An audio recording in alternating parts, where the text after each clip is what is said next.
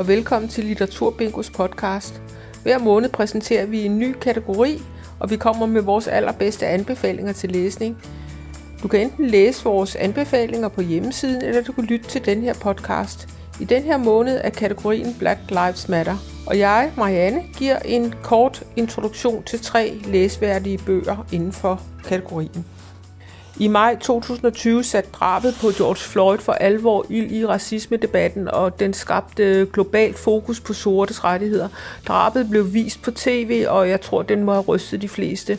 Vi vidste selvfølgelig godt, at der blev diskrimineret i USA, men her var det drab for åben skærm, og det værste for mig var faktisk, at betjenten, der dræbte George Floyd, han burde være den, der beskyttede borgerne. Det var jo dybt skræmmende, og græsrodsbevægelsen øh, BLM, Black Lives Matter, protesterede også over hele verden mod racediskrimination og politivold, der fandt øh, sted i USA. For en kort stund så var der fokus på et kæmpe problem, der ofte bliver faret ind under gulvtæppet, for nogens vedkommende slet ikke anerkendt som eksisterende.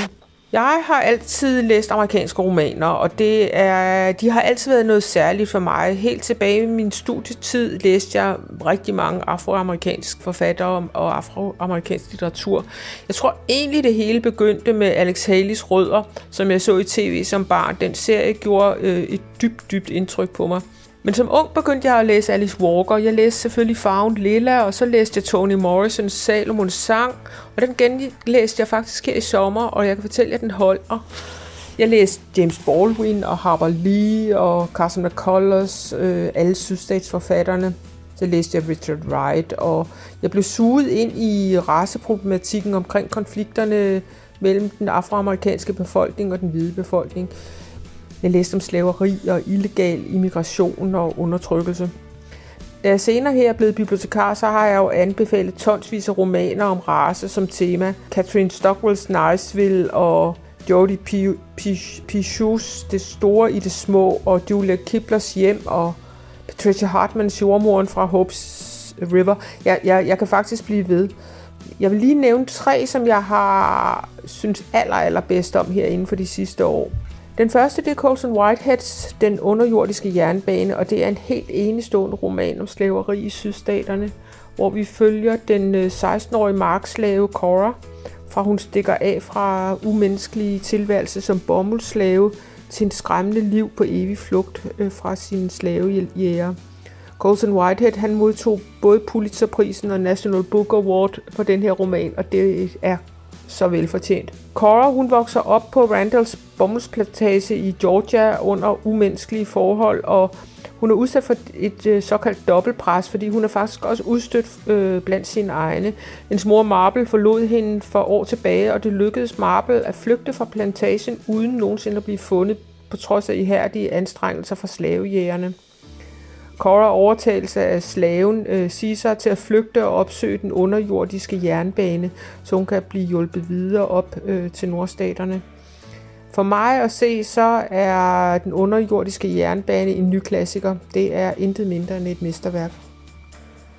Titel nummer to, jeg vil fortælle jer om, det er en af de bøger, der, der hvad det er en såkaldt øh, young adult bog. Det vil sige, at den øh, henvender sig måske primært til meget unge mennesker. Jeg vil så sige, at jeg har læst den her som øh, et øh, vokst menneske, og jeg synes, den er en rigtig, rigtig øh, god og dejlig bog.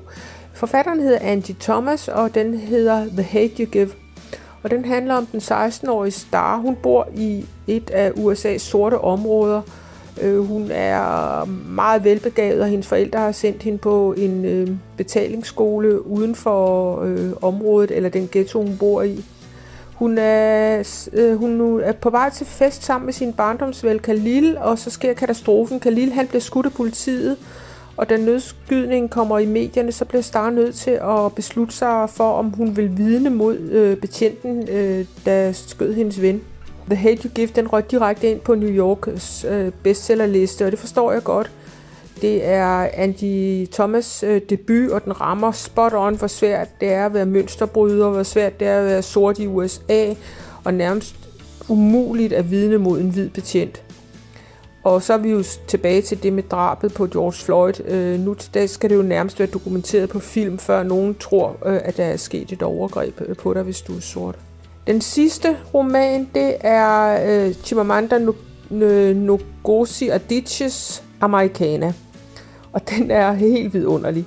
Øh, den øh, øh handler om øh, vores tids multikulturelle samfund. Den er fortalt øh, med en masse humor og sproglig bevidsthed, og så øh, med stor psykologisk indsigt.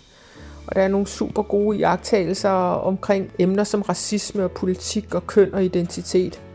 Amerikaner er den noget nedsættende betegnelse, som øh, nigerianere, der vender hjem fra USA til Nigeria, bliver kaldt.